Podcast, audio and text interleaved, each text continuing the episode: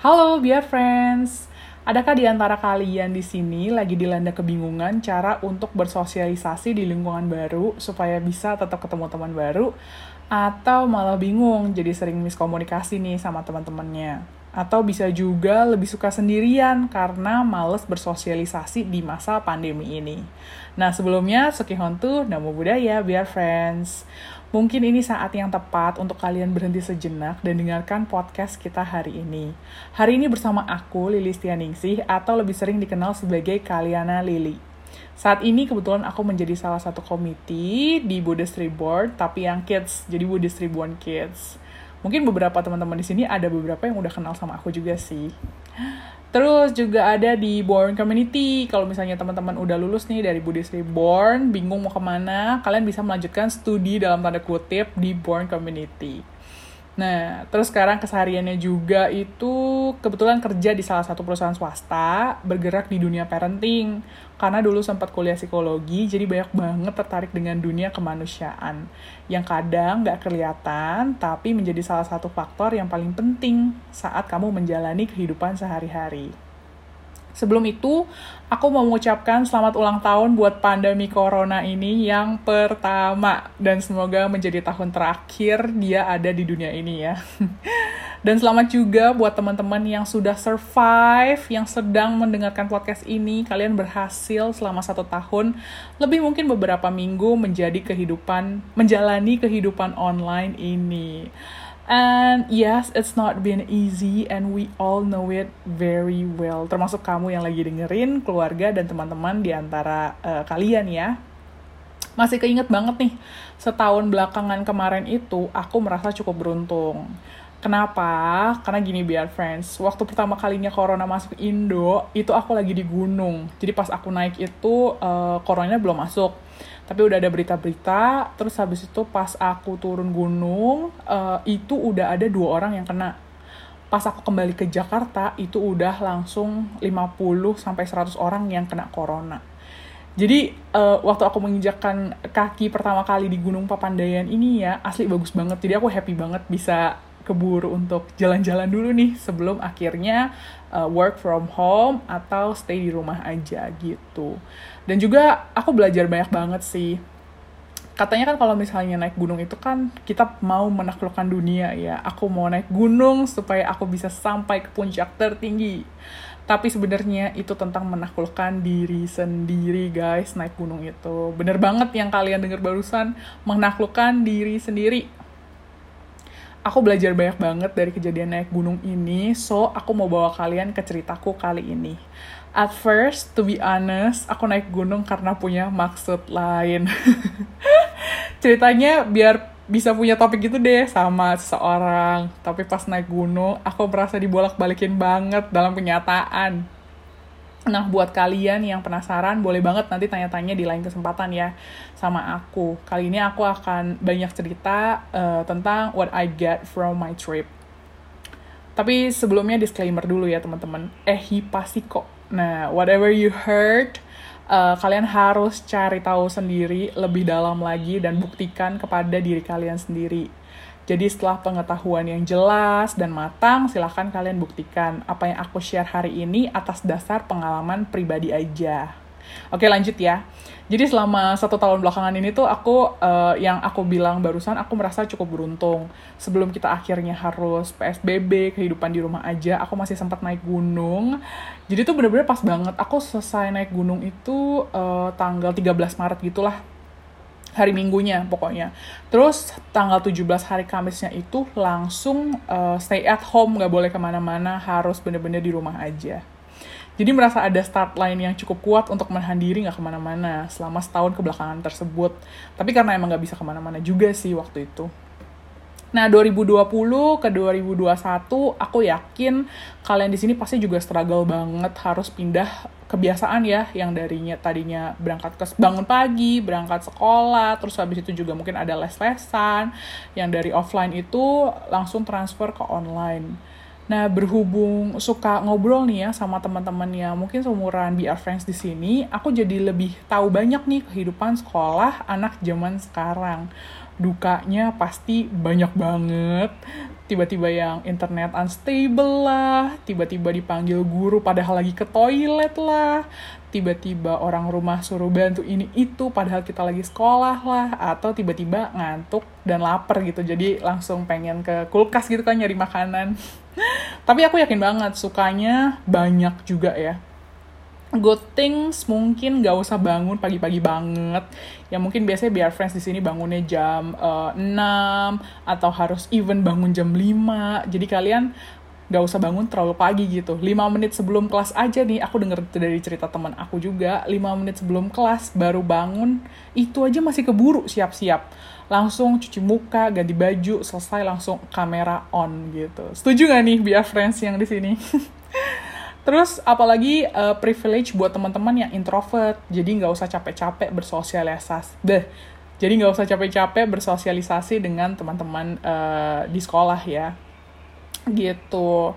Tapi bukan berarti orang introvert nggak butuh temen loh, dan apalagi orang extrovert. Butuh banget mereka energize diri sendiri dengan ngobrol dan bersosialisasi sama orang lain. Karena itu memang jadi dasar kebutuhan orang extrovert.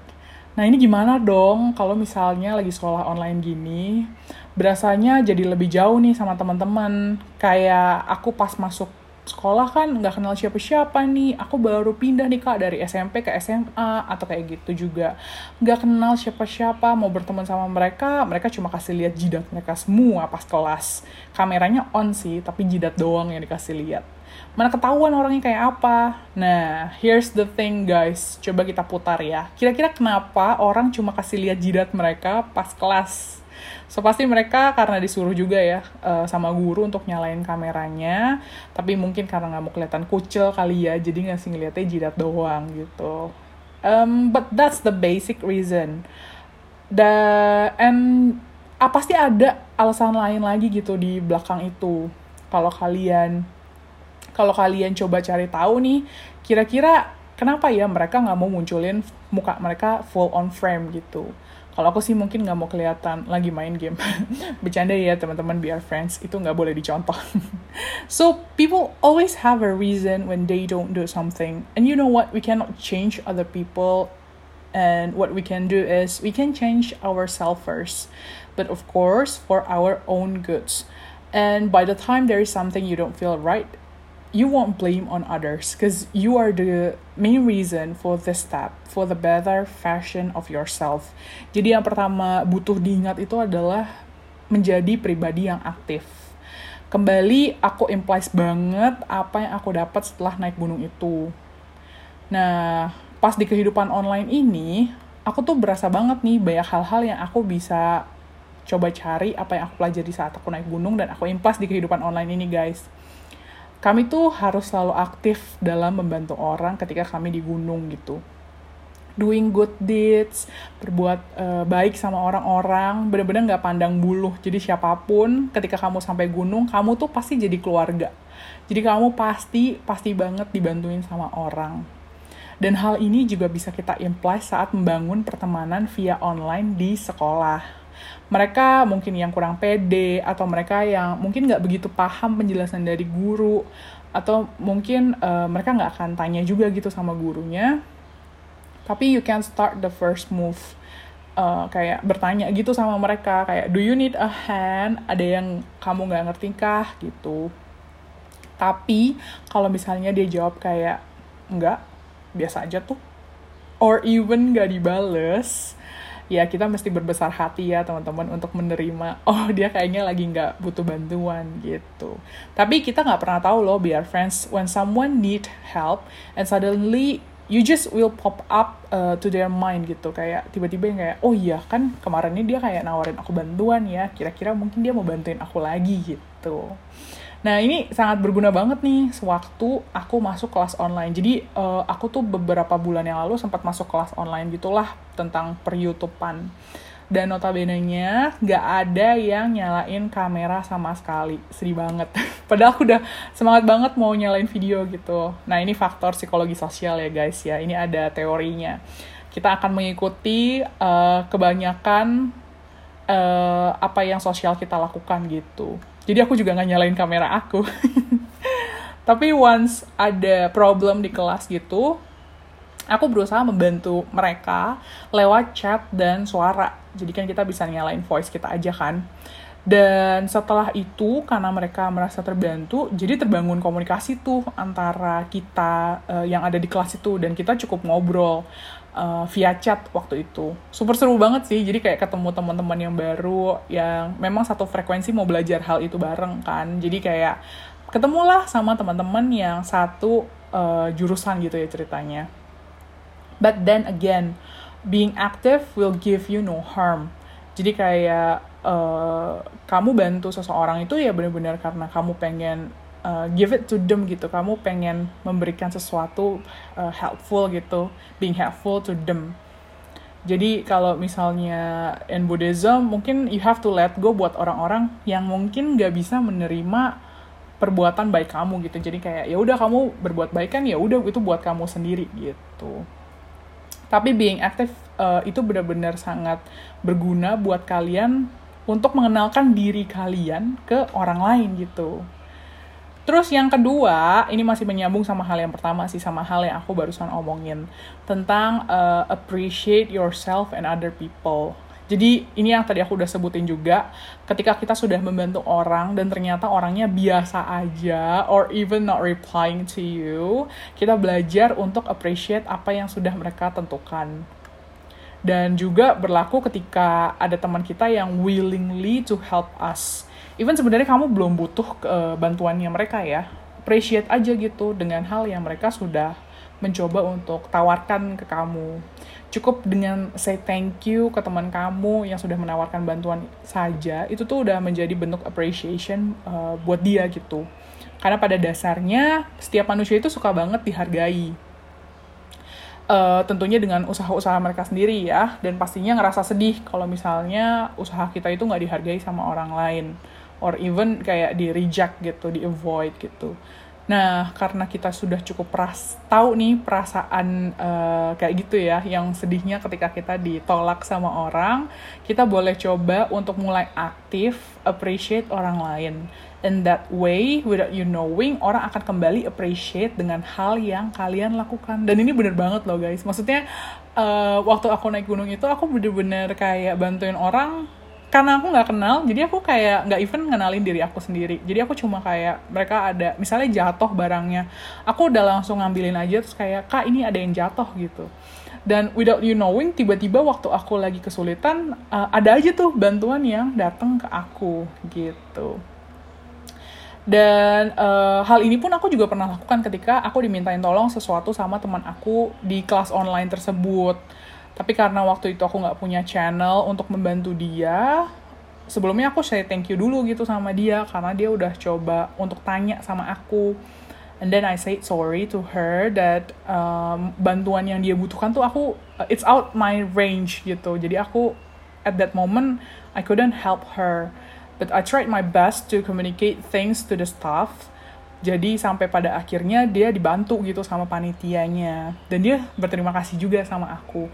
Padahal sebenarnya kalau diputer-puter ya aku tuh nggak bantuin dia yang gimana-gimana banget. Aku cuma kasih tahu ke panitia dan panitia yang membantu dia gitu. Dan aku juga nggak berharap gitu dia merasa se grateful itu se thankful itu atas bantuan dari aku. And you know what? Karena aku udah nggak pikirin apa yang sudah aku perbuat dalam konteks membantu dia tiba-tiba one day dia kontak aku karena tahu gitu aku lagi butuh bantuan uh, yang lain gitu yang menyangkut expertise-nya dia. Such a wonderful karma banget sih. So help people without expecting any in return cause ya itu sangat itu itu hebat banget sih menurut aku. Cause there will be a big and wonderful thing that may happens to you. Karena uh, kamu bantuin orang gitu And last but not least, ini yang paling penting ya guys ya. You have to be yourself. Sebagaimana bagaimananya kalian nih ya, seseorang akan berteman dengan orang yang menjadi diri mereka sendiri. Kalian tuh bakal saling tarik menarik gitu loh karena saling cocok. Jadi jadilah pribadi yang kamu sendiri mau temenan gitu, sahabatan sama diri kamu sendiri. Ibaratnya gini, kamu tiba-tiba diajak ngobrol sama orang yang mikirinnya dirinya sendiri doang, nggak pernah tanya balik, nggak pernah pedulin apa yang kamu suka atau enggak, how does it feels? Kayak pasti nggak enak banget sih. So, menjadi pribadi yang kamu sekiranya nih asik untuk berteman, asik untuk jadi tempat berdiskusi, asik buat asik-asikan yang pasti. Tentunya yang hal-hal positif ya guys dan percaya atau enggak, lingkungan kamu itu menjadi cerminan dirimu. Lingkungan terdekat atau inner circle kamu bakal membentuk kamu menjadi suatu pribadi keutuhan dirimu di masa depan nantinya. Dan begitu sebaliknya, kamu juga bisa membentuk inner circle sesuai apa yang kamu butuhkan. Kalau kata orang sih, memang nggak boleh milih teman, nggak boleh pilih-pilih teman ya. Semua orang itu harus menjadi teman kamu tapi menurut aku pribadi, ini kata-katanya kurang sesuai. Yang sesuai itu menurut aku adalah kita baik ke semua orang. Harus malah, maksudnya baik itu tuh benar-benar tidak merugikan kok. Tapi pilihlah orang-orang yang berada di lingkaran terdekatmu. Jadi ya inner circle kamu harus benar-benar pilih siapa yang patut ada di inner circle kamu. Nah itu dia ya biar friends yang aku share hari ini cara untuk kamu berteman kala pandemi ini. Being active, terus appreciate other people and yourself too, dan terakhir adalah be yourself. Dan mengutip dari Dhammapada 78, jangan bergaul dengan orang jahat, jangan bergaul dengan orang berbudi rendah. Tetapi bergaullah dengan sahabat yang baik, bergaullah dengan orang berbudi luhur. Gitu aja, see you another time. Yang, tanya, yang mau tanya-tanya soal gunung boleh banget nih reach aku di IG at Kaliana Lili. Nanti kita bisa ngobrol banyak di situ. Sekian tuh nama budaya biar friends. Bye-bye.